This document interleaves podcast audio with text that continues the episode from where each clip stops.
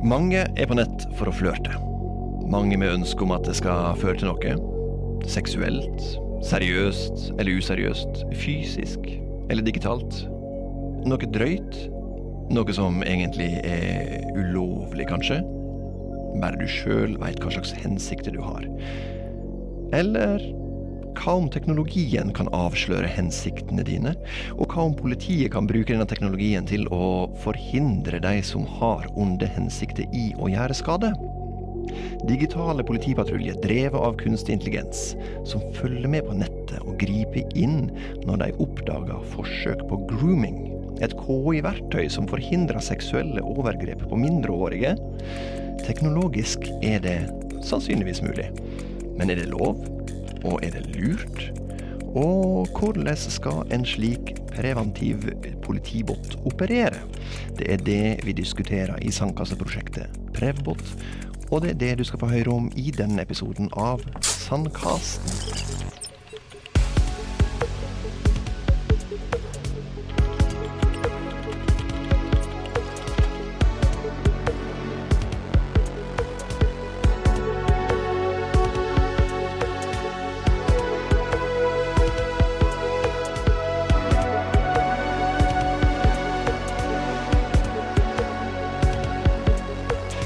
Velkommen eh, til Sandkassen, Inge Marie Sunde og eh, Jens Erik Paulsen. Begge to professorer ved Politihøgskolen. Jeg heter Arlo Peim og jobber i Datatilsynets sandkasse for kunstig intelligens. Og like før sommeren så hoppa dere opp i sandkassa vår med prosjektet Prevbot. Inge Marie, kan du kort forklare hva ideen bak Prevbot er? Ja, du oppsummerte det ganske godt i innledningen din allerede. Det er et KI-verktøy som eh, er eh, tenkt brukt på nettet for å avdekke grooming. Altså voksne som kontakter eh, barn og har et seksuelt motiv med den kontakten. Dette er jo et veldig stort problem, faktisk så stort at det, man sier at det ikke går an å etterforske seg ut av det, man må jobbe forebyggende. Så tanken er å bruke kunstig intelligens til å kunne kartlegge om samtalene eh, har et seksuelt innhold, og om eh, partene i samtalen er på den alderen og med det kjønnet som de faktisk opplyser om i profilen sin. Eh, det er jo et vanlig modus at overgripere på nett lyver på alder og kjønn. Eh, en kjent sak, Sandra, så var det jo en kar på 25 som eh, sa at han var Sandra på 16 år. Så hvis man kan få hjelp Dette er jo ikke noe man kan se visuelt, altså hvem som skjuler seg bak en profil. Og det er der teknologien kommer inn, at den kan gi opplysninger som politiet ellers ikke uh, uten videre kan uh, få og gi dem grunnlag, gi politiet grunnlag for å kunne gripe inn, f.eks. med en advarsel mot den man tror er i ferd med å begå et overgrep. Mm. Vi skal grave oss uh, godt inn i hvordan en sånn uh, Prevbot kan fungere. Men først så vil jeg at vi snakker litt om uh, ja, det Prevboten skal gjøre noe med. Altså det grooming som du var inne på her. Altså Hva vet vi om grooming som samfunnsproblem og si, seksuelle overgrep som folkehelseproblem? Ja, det er et folkehelseproblem. Det er karakterisert som det. Vi vet uh, mye om det etter hvert. Det har jo uh, virkelig tatt av, særlig etter at man fikk uh, smarttelefoner og muligheter for videostrømming. Det er jo sånn at overgripere gjerne får barna til å sende fra seg nakenbilder. Altså de gir dem mye ros og 'du virker veldig fin', 'jeg ønsker å se noen bilder av deg, kan du ikke sende noen bilder'? Og så gjør eh, barnet det. Og når overgriperen har fått bildene, så bruker vedkommende det til å presse barnet til å utføre seksuelle handlinger videre foran kamera. Gjerne det kan også selvfølgelig hende at man avtaler å møtes fysisk, men som, det er veldig mange overgrep som bare foregår rent digitalt. Og man vet at det virker minst like traumatiserende for barna som det å bli misbrukt fysisk. Det er veldig viktig å, å vite og legge vekt på. Og vi vet også at overgripere eh, prøver seg på veldig mange barn samtidig. I den største saken vi har hatt i Norge, var det 450 eh, barn som var utsatt for overgrep fra én og samme person. I en annen sak var det 250 barn. At det er sånn 50-100 barn, er veldig vanlig. De bruker ganske kort tid på å prøve, prøve seg på veldig mange barn. Og, eh, hvis, eh, de, og kan ha liksom flere ofre gående samtidig og parallelt. da. Mm. Altså det, det fører til økning av problemet, mm. eh, flere offer, da, men er det Vet jeg noe om det fører til flere overgripere? Eller er det en konstant uh... Nei, man tror at andelen overgripere har uh, økt fordi at uh, terskelen for å begå overgrep er senket. Når du sitter alene, du føler deg ganske sånn Føler at dette ikke er særlig risikabelt for deg personlig. Og mange blir dratt med inn i altså På engelsk kalles det jo curious cats. Nysgjerrige Det er spenningssøkende personer ofte. Uh, og som tar, går et skritt lenger for hver Oi, der uh, lyktes jeg. Neste gang kan jeg gå et skritt lenger. Så det er et sånt modus hvor man blir veldig dratt inn og kan kanskje ha Det er jo egentlig på nettet er det jo helt fravær av noen korrigerende respons noen som sier at sånn kan du ikke oppføre deg. Det er jo det som mangler. Det får du ellers ute i samfunnet, men det får ikke disse. Og En annen ting jeg glemte å si i sted, det var det at eh, barn som utsettes for dette, de opplever mye skam. De tenker at de har vært med på noe som de ikke burde, eller at de har litt, ja, litt skyld i det selv, at de kanskje har vært veldig dumme. Det skjønner de først etterpå. Og de eh, løper ikke til foreldrene sine eller noen andre personer og varsler om dette her. De holder det eh, skjult. Det er vel noe sånt som gjennomsnittlig går det Man snakker om tolv år før de, måte, det kommer for dagen. Hvis ikke det av en eller annen hendelse utløser at det blir oppdaget. Mm. Men Hvordan ser dere for dere at denne prøvebåten kan operere? da?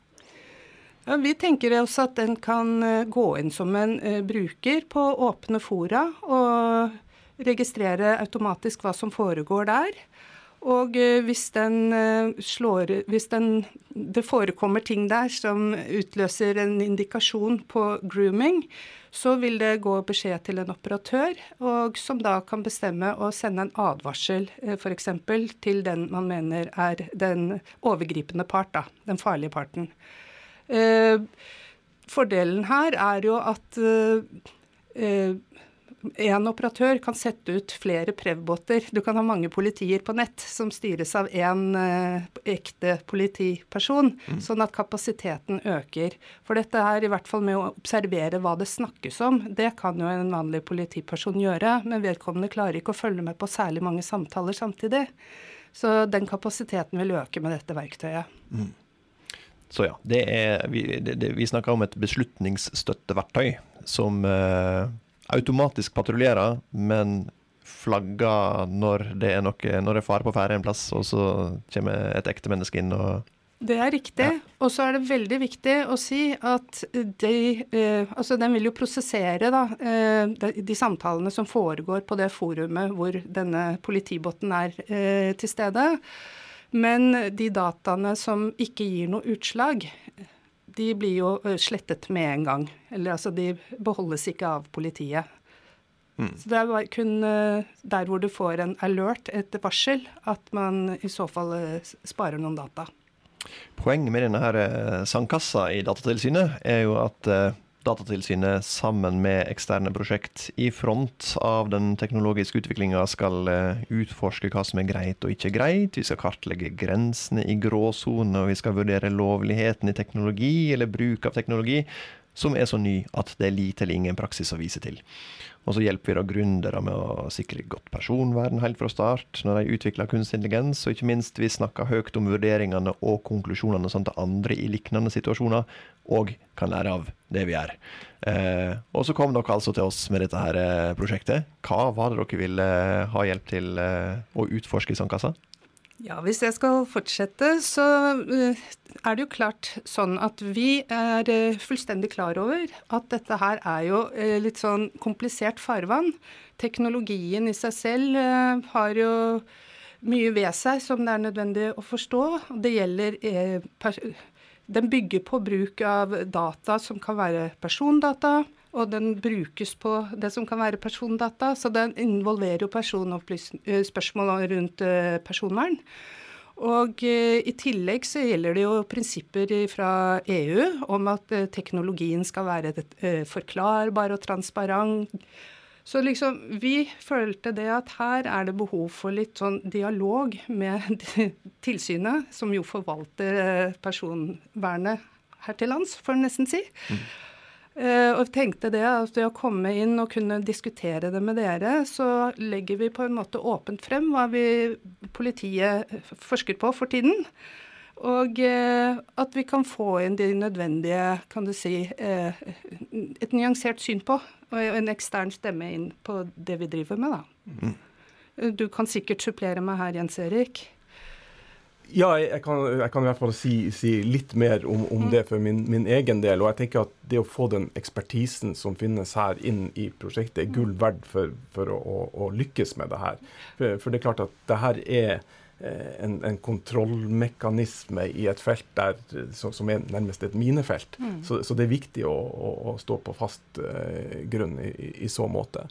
I tillegg så, så, så, vil jeg si at det å få oppleve den prosessen med eh, i sandkassa i seg sjøl har en verdi. For det, det er en måte å, å, å, drøfte et problem på som, som, jeg tror er ekstremt viktig i den fasen vi er inne i, nå, når veldig mange nye sånn ja, eh, reguleringer fra EU f.eks. Eh, introduseres. Hvordan skal vi diskutere det her? Eh, få konkrete saker frem, få de konkrete problemstillingene frem. Det tror jeg er kjempeviktig fra et sånn etisk eh, standpunkt. Mm. Ja, um, den fasen dere er i, sier du. Altså, dere, dere, er jo i en tidlig Veldig tidlig fase, uh, kan jeg vel si. Kan, kan, dere fortelle litt om uh, hvor uh, prosjektet står, sånn generelt sett? Vi er jo i en tidlig fase i prosjektet, men vi har beskrevet det i et par artikler. Eh, beskrevet teknologien som eh, ligger til grunn. Vi har beskrevet eh, problemet innenfor en kriminologisk ramme, og vi har vurdert ram, juridiske rammevilkår. Ja, så, så, så, vi er på en sånn idé og behov stadium her, eller den fasen her. Så, eh, og, og, vi skal da videre til en, en mer sånn proof of concept, eh, design, utviklingsfase etter hvert. da. Eh, men vi tenker at det er veldig viktig å ha det personvernmessige og det etiske på plass allerede fra, fra første øyeblikk, sånn at vi eh, også ser som, hvordan det her vil arte seg i, i siste instans, og, og, og, liksom forestille oss det. Simulere det, mm. for å si det på den måten. Så det, det, er ikke blitt testa ut i praksis eh, akkurat altså liksom, dere, dere, har ikke trent noen modell eller noen sånne ting eh, på nåværende tidspunkt? Eh, nei, det har vi ikke, men vi vet at det har vært gjort på andre språk eh, i forskningssammenheng. Eh, sånn at vi har belegg for å tro at dette her kan gå an å realisere som et verktøy som fungerer på norsk språk. Mm. Og vi tror jo at det har en verdi at eh, politiet selv tar initiativ for og sørger for å ha eh, teknologi som er utviklet for å arbeide mot grooming-problemet slik det arter seg i Norge. Og da bruker disse samtalepartene de bruker norsk. Og eh, Så vi tenker at de, den forskningen som er gjort på teknologien på store språk som engelsk og eh, spansk, at det da kan overføres på norsk språk. Mm.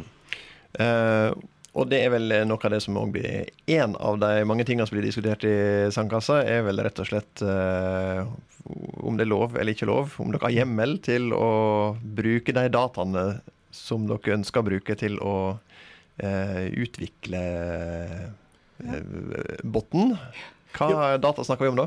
Ja, for det er jo ikke noe magi i, i en sånn Prevbot. Den må jo ha data å trene seg på for å finne ut av alder, kjønn, seksuelt innhold eh, eller liksom temperaturen i, i, dialogen. Så da er vi nødt til å ha noe å, å trene den på.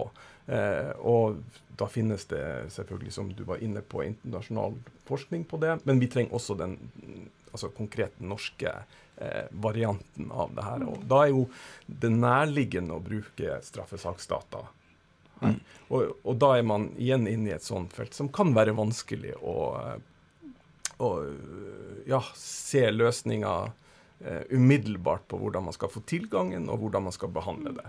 Hva mener dere med straffesaksdata? Altså? Det er uh, chatlogger i etterforskede saker om seksuelle uh, I etterforskede grooming-saker, da. Eller Så der, der, vi på en måte bevist har Eller det er bevist at grooming har foregått? Ja. Riktig. Ja. Men det som uh, er viktig i denne sammenhengen, det er jo at identiteten til disse personene er helt uinteressant for vårt verktøy. Mm. Sånn at vi ønsker å finne karakteristika ved selve samtalen. Så hva er det som karakteriserer grooming når det foregår på nett? Det er det vi leter etter. Hvem som har vært parter i dette her, er jo helt uinteressant for denne teknologien, og det er data som fjernes eh, fra eh, treningsdataene, da, som det heter. Det man bruker til å trene denne Prevboten til. Altså den skal identifisere grooming, men hvordan kan den på en måte gjøre det Altså når, når du da bruker trenermodellen til å gjøre det, hva, hva, hva er det slags sånn, si, teknisk oppbygging av botten? Altså, det må kjenne til noen Eller det finne noen mønstre i den typen eh, samtaler, og når det går over eh, styr her. ikke sant? Mm. Og, og, og, kunne gjenkjenne de. Og det er klart Jo mer data man har å trene modellen på, jo, jo bedre. Eh, og, og den, hvis den ikke når et presisjonsnivå som er høyt nok, så er det antagelig ikke etisk forsvarlig å benytte den. Eh, så, så, men det er også et empirisk spørsmål. Her må vi på en måte få testa det og se om det blir godt nok. Det er det ene. Og det andre er at vi har en forklarbarhet i det. Det er ikke nok at bare den preboten sier at her er det et mønster. Vi, vi, ønsker også å kunne si at det er faktisk de tingene som de kriteriene som, som gjør at det her eh, flagges den samtalen, og vi, at det, en form for inngrep bør, bør gjøres. Mm. Um, og, den, den, er tenkt eh, brukt uh, på det åpne nettet. Eh, ja. Veit en noe liksom om eh, hvor hen eh, hvor, hvor hen er stor sannsynlighet for å finne ja, det vet man. Det er jo, det, man kjenner jo modus fra straffesakene som behandles, og vet at veldig mange grooming-tilfeller starter på det åpne nettet. Så, mm. ja. Og så blir de dratt med videre inn i et privatrom, ja, ja. eller fysisk eller digitalt. Ja. Så da er det om å gjøre for, for, der er det vel kanskje litt eh, interessant. Eh, hvor tid skal denne botten slå til? Vi har jo ikke uh, tatt stilling til altså Dette her kommer jo an på hvor mye får du ut av den samtalen som foregår på det åpne nettet. Det er jo det første som må utforskes. Og når det er spørsmål uh, hva som skjer i de én-til-én-samtalene, så er er det jo sånn at i hvert fall de som tilbyr eh, disse tjenestene, altså plattformeierne, har jo muligheten til å overvåke. Og de vil også få et pålegg om å overvåke sånne samtaler. Det kommer jo eh, fra EU i løpet av denne høsten her. Mm. Så da er det jo interessant eh, Så da vil jo dette verktøyet kunne brukes eh, kanskje ikke av politiet, men kanskje av plattformeierne. Mm. Jan Henrik Nilsen, juridisk eh, seniorrådgiver og en av eh, Datatilsynets jurister i Sandkasseprosjektet, som, som ser på muligheter og hindringer for å utvikle en sånn her eh, Prevbot. Først og fremst, hva, hva, tenker du om prosjektet? Prosjektet tenker jeg er veldig veldig spennende, fordi det plasserer seg midt i en av de store samfunnsdebatter og eh, tar samfunnsproblemer på alvor. og det gjelder balansen mellom overvåkning og sikkerhet. På den ene sida er det uhyre viktig å sikre eh, barn mot grooming og eh, overgrep. Eh, det er et viktig samfunnsoppdrag som politiet har. Samtidig som dette beveger seg inn på den på en måte offentlig-private sfæren som man etter hvert har blitt vant til å bevege seg i, på bl.a. sosiale medier.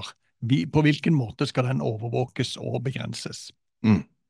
Så det er kanskje et sånn uh, prosjekt der vi ser et liksom, uh, ja, uh, sjeldent stort sprik mellom et hederlig formål og potensielle inngrep i personvernet. Ja, Det er jo en utfordring politiet møter hele tida, ved at de har store muligheter for maktbruk som må begrenses av hensyn til borgernes rettigheter. Så Sånn sett er jo dette et, et tradisjonelt eh, politiverktøy, selv om det er moderne i sin digitale form. da. Mm. Um, hva er det vurderingene går på sånn rent juridisk i dette her sandkasseprosjektet? Vi er opptatt av to ting, og den viktigste fasen for oss er jo tilgang til å bruke straffesaksdata. Eh, politiet besitter store mengder data om ulike straffesaker, ulike gjerningspersoner, ofre, modus, handlinger, den type ting, som kan brukes til å trene KI. Og Vi er opptatt av at dette brukes på en ansvarlig og god måte for å utvikle gode og trygge verktøy. Mm. Ja, og hva Så, så, så, så da ser jeg på rett og slett om de har lov til å til å, å bruke straffesaksdata? Bevi, bevis fra straffesaken? Ja, vi ser eh, på om det er hjemmel i Altså, politiets bruk av personopplysninger er ikke regulert i GDPR, men er regulert i politiregisterloven. Og, og vi ser på de hjemlene som ligger der, hvilke muligheter har politiet i dag til å bruke um, straffesaksdata? hvilken mulighet som dette prosjektet retter seg spesielt mot, bruke det i forskningssammenheng.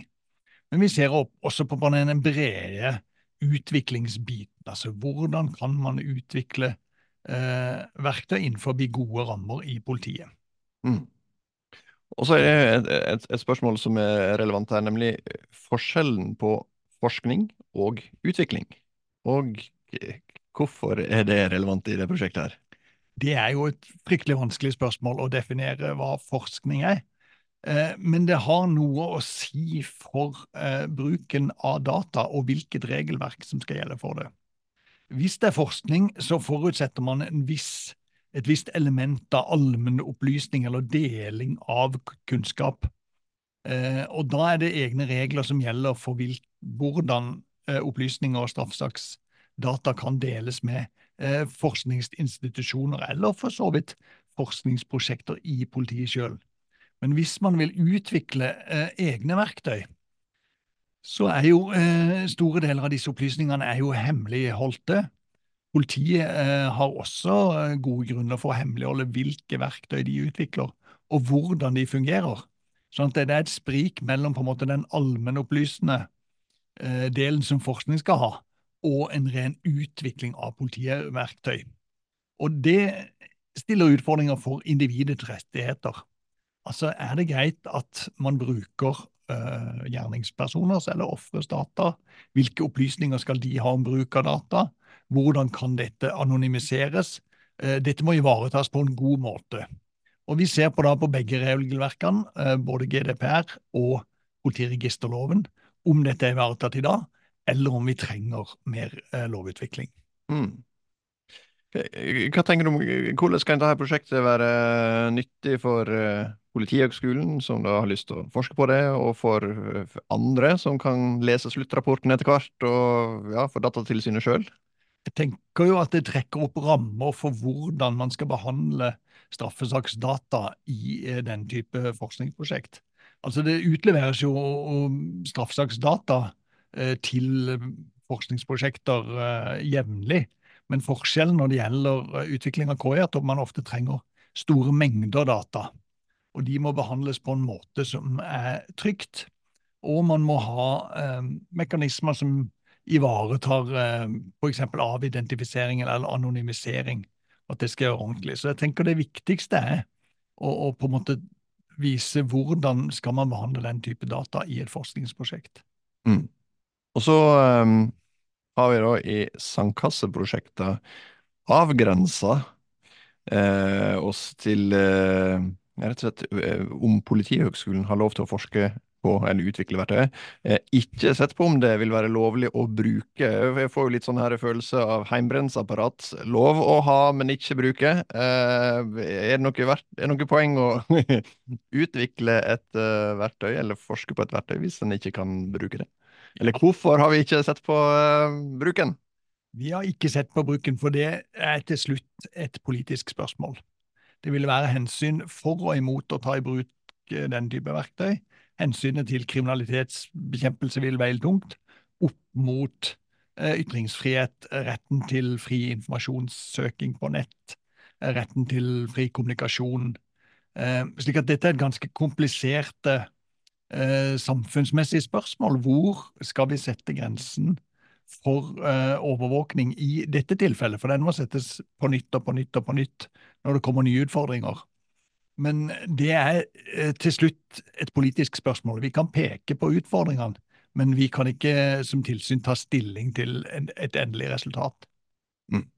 Og så er det vel et ledd i denne avgrensinga òg at eh, de er så tidlig i prosjektet at utviklinga, altså hva slags egenskaper de vil putte inn og trekke ifra i denne prøvebåten, kan ha store konsekvenser for om det er lov eller ikke lov, eh, eller hvordan det påvirker bruken?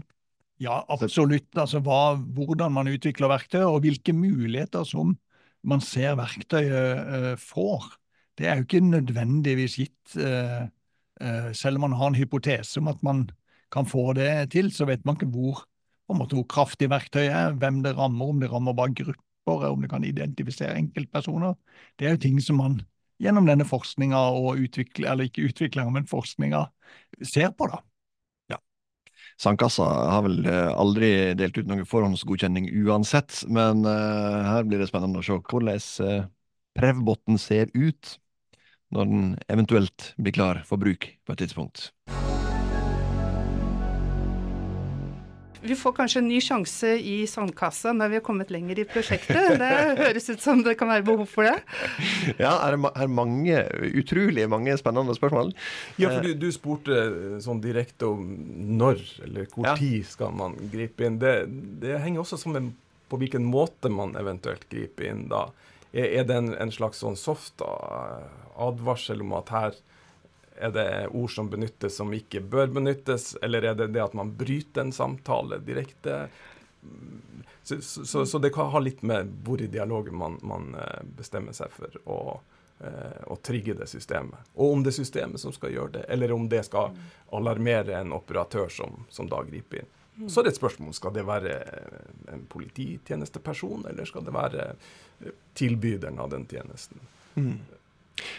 Eh, I, i, i kunstig intelligens-sammenheng så har jo det her eh, predictive policing eh, vært eh, passe omstridt. Og det her er jo eh, Det er jo ikke akkurat det, men samtidig lite grann. Sant? Altså, eh, for du skal jo på en måte Du skal jo på en måte forutse en hendelse en har hensikt om å gjennomføre. Men uten at det, altså det er ikke Ja. Det, hva, hva, hva, tenker dere om de problemstillingene som har vært rundt hvordan liksom eh, en, klassisk innvending er at predictive policing fører til at du bare forsterker mm. gamle mønster. Eh, og, og, de som har vært eh, ja, sterkt tungt belasta områder, blir enda mer belasta. Ja. Gir falsk trygghet, kanskje. Altså det som er et spørsmål, det er jo denne uh, forordningen om kunstig intelligens som skal komme fra EU uh, kanskje til neste år. Den, uh, der er det jo foreslått et forbud mot predictive policing. Og da er det et spørsmål hvor vidtrekkende er det forbudet, hvordan skal det forstås. Og det er jo presisert nærmere sånn at man ikke eventuelt, hvis eh, Europaparlamentet får gjennomslag for dette forbudet, da, det vet man jo ikke ennå, eh, da eh, skal det være forbudt å bruke KI for å, si, for å vurdere risikoen for at en person kommer til å begå en straffbar handling. Og det er jo nettopp dette Men her tenker jeg det er viktig å holde tungen litt rett i munnen. For det dette verktøyet gjør, det er at den predikerer noe som OK, her er det seksuell samtale. Her er det en som lyver på alderen sin, og lyver også på kjønnet sitt. Og så er det opp til operatøren å eh, treffe beslutningen om å intervenere på en eller annen måte. Mm. Og da Det er jo en vurdering som foregår i hodet på operatøren. Det er ikke systemet selv som mm. direkte intervenerer. Og da eh, vet ikke jeg egentlig om man har ment å ramme denne bruken da, med dette forbudet eventuelt. Mm. Men det blir veldig spennende. Og jeg tror at forbudet det er jo motivert av den skjevheten i politiinnsats som har skjedd i det fysiske rom, i sånne spesielle nabolag som har vært eh, kriminelt belastet, og så blir det stigmatiserende pga. Ja. det du nevnte, den selvforsterkningseffekten. Men jeg tror ikke man overhodet har tenkt på online-problematikken, og der trenger jo politiet verktøy, verktøy for å kunne utrette noe. Ja. For, for den her, Unnskyld. Ja, nei, og, og, litt av problemet med predictive policing er jo det at du eh, skal prøve å forutse noe før det skjer, mens Prevbot skal jo på en måte gripe inn akkurat idet det er i ferd med å skje. Altså, men, men ja. si, uh, så, så, akkurat den definisjonen av før, eller i starten av, ja. den er jo helt uh, utrolig spennende uh, å, å, gå inn i. Ja, virkelig. og men så skal man også være klar over at hvis du har sånt, en sånn Prevbot som en vaktpost her, så, så, vil den kanskje ha altså Den er trent opp på straffesaksdata, og den vil nok til dels gå i de gamle sporene likevel. Så, så er det vel også et poeng at man klarer ikke å få eh, tatt alt her, antagelig. Så, så det å gjøre en, en, eh, en innsats der det man vet at, at, det er et problem, og på en måte man vet fører til overgrep, er kanskje et sted å, å begynne der. Men, men, det er et veldig godt poeng, det du kommer med. Det er også å få, få korrigert for den skjevheten og oppdage nye former vil, vil være viktig. Og det, det, har noe med at det, systemet eh, vil ikke være ferdig trent en gang for alle. Vi må følge den opp gjennom hele livssyklusen. og, og det vil kanskje si at vi kommer til å plage Datatilsynet mange ganger med dette prosjektet etter hvert som det skrider fremover. Ja. Um, og uh, vi, vi, vi, snakka jo jeg, jeg, jeg, sa jo innledningsvis det her uh, Jeg påsto innledningsvis at den botten her kan uh, rett og slett se oppdage hensiktene til de som eh, skjuler seg bak diverse eh, brukernavn på, på nettet. Og, og det kan en, en, kan selvfølgelig ikke være inn i hodet, men eh, teknologisk sett så skal vi altså, er, det altså snakk om en, en bot som skal den skal predike, eller den skal identifisere. Den skal prøve å identifisere eh, seksuelt snakk, er det det vi snakker om. Mm. Så det, være, det, må være seksuelt innhold, også, eller kodeord for seksuelt mm. innhold. Og så skal den eh, si noe om eh, kjønn og alder på de involverte. Fordi da kan du avsløre hvis det, noen gir seg ut for å være noe annet enn de egentlig er. Og så eh, stemning var du innom. Ja. Hvorfor, hvor, hvorleis, eh, og hvorfor er det relevant? Og ja, hvordan kan en finne ut av det?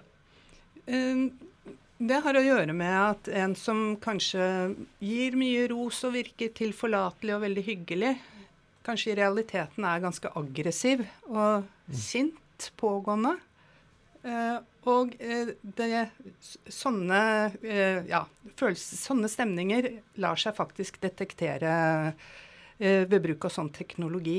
Og det er jo relevant i sammenhengen. Så språket avslører, avslører jeg, selv om du prøver Hvis du er egentlig en utålmodig, aggressiv person, eh, et rovdyr på jakt etter noe, så, eh, og du prøver å utgi deg for å være et eh, snilt lam, så blir du avslørt av språket? Det kan ha ikke bare med språket, men hvor raskt du er på tastaturet, hvor raskt mm. du svarer, hvor mange henvendelser du retter eh, på kort tid.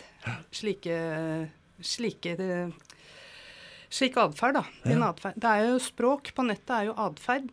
Mm. Det er jo det det analyserer. Så man har en slags språklig biometri, kanskje, også vi ja. tar høyde for? Um, yes. I går hadde vi jo uh, en uh, etikkworkshop i det her uh, sandkasseprosjektet. Uh, din uh, høgtidsdag, antar jeg, Jens Erik. hvordan var det? Jo, jeg syns det var veldig positivt. Jeg, syns det også gi en litt sånn bredere ramme for prosjektet får også frem mange sider ved personvernet som, som er, er, viktig. Det er klart det er, Når man snakker kunstig intelligens og, og etikk, så er det veldig mange eh, prinsipper og verdier som spiller en rolle. og eh, sånn I utgangspunktet så det er kanskje ja, lett å se at det viktige med rettferdighet, med åpenhet, med ja veldig mange, Man nevner gjerne sånn 10-12 verdier som er, er, er, sentrale. Men når man skal da konkretisere de og avveie de mot hverandre, så er det ofte sånn at man blir litt opp som en løve og ned som en, en skinnfelle og havner på personvern i en veldig smal forstand. Så det å kunne holde den diskusjonen med de øvrige eh, verdiene levende i utviklinga av prosjektet, tror jeg er veldig viktig. Og, og, der fikk vi gjort en del viktig arbeid i, i går i så måte, tenker jeg. Mm. Det er for så vidt opp til andre å vurdere, men, men, men, men jeg syns i hvert fall det. ja. Det er, her, er jo noen etisk litt kilende spørsmål eh, ved det prosjektet. Men et eh, annet spørsmål som sier, det, det ble jo òg på denne workshopen diskutert det etiske ved å eventuelt ikke utvikle prosjektet. Ja, og politiet har jo fått uh, si, berettiget kritikk for å ikke være på, på ballen i, i, det digitale tidligere, fra, fra Riks, Riksrevisjonen bl.a. Så, så, så det også være med i den utviklinga, se de mulighetene som finnes, ha den fenomenkunnskapen om hva som foregår av, av digital kriminalitet og, og, og, grooming i her, her, um, denne sammenhengen, er, er kjempeviktig. Og der, der, må man bygge kompetanse. Og uten å delta aktivt i, i prosjekter og utvikling på det feltet, så, så, får man ikke den kompetansen. Da må man hente den utenfra. Så, så viktig at det foregår innad i politiet. også. Det tenker jeg var et uh, godt uh, sluttpoeng. Så da uh, sier jeg takk for at dere kom til, til Sandkasten i denne omgang. Tusen takk. Tusen takk.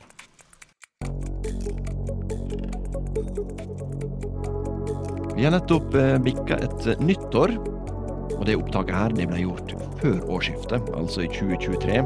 Verdt å nevne det, så dere skjønner Inger Marie Sundes referanser til EUs kommende regelverk, KI-forordninga. Og like før nyttår så eh, plukka vi òg ut fire nye prosjekt til deltakelse i Sandkassa. De skal vi starte opp nå eh, i løpet av eh, vinteren. Og tre av de prosjektene de tar for seg generativ KI. Fra forskjellige perspektiv. Veldig masse spennende i sandkassa framover. Eh, og det skal du få høre mer om i kommende episode av Sandkasten. Takk for nå.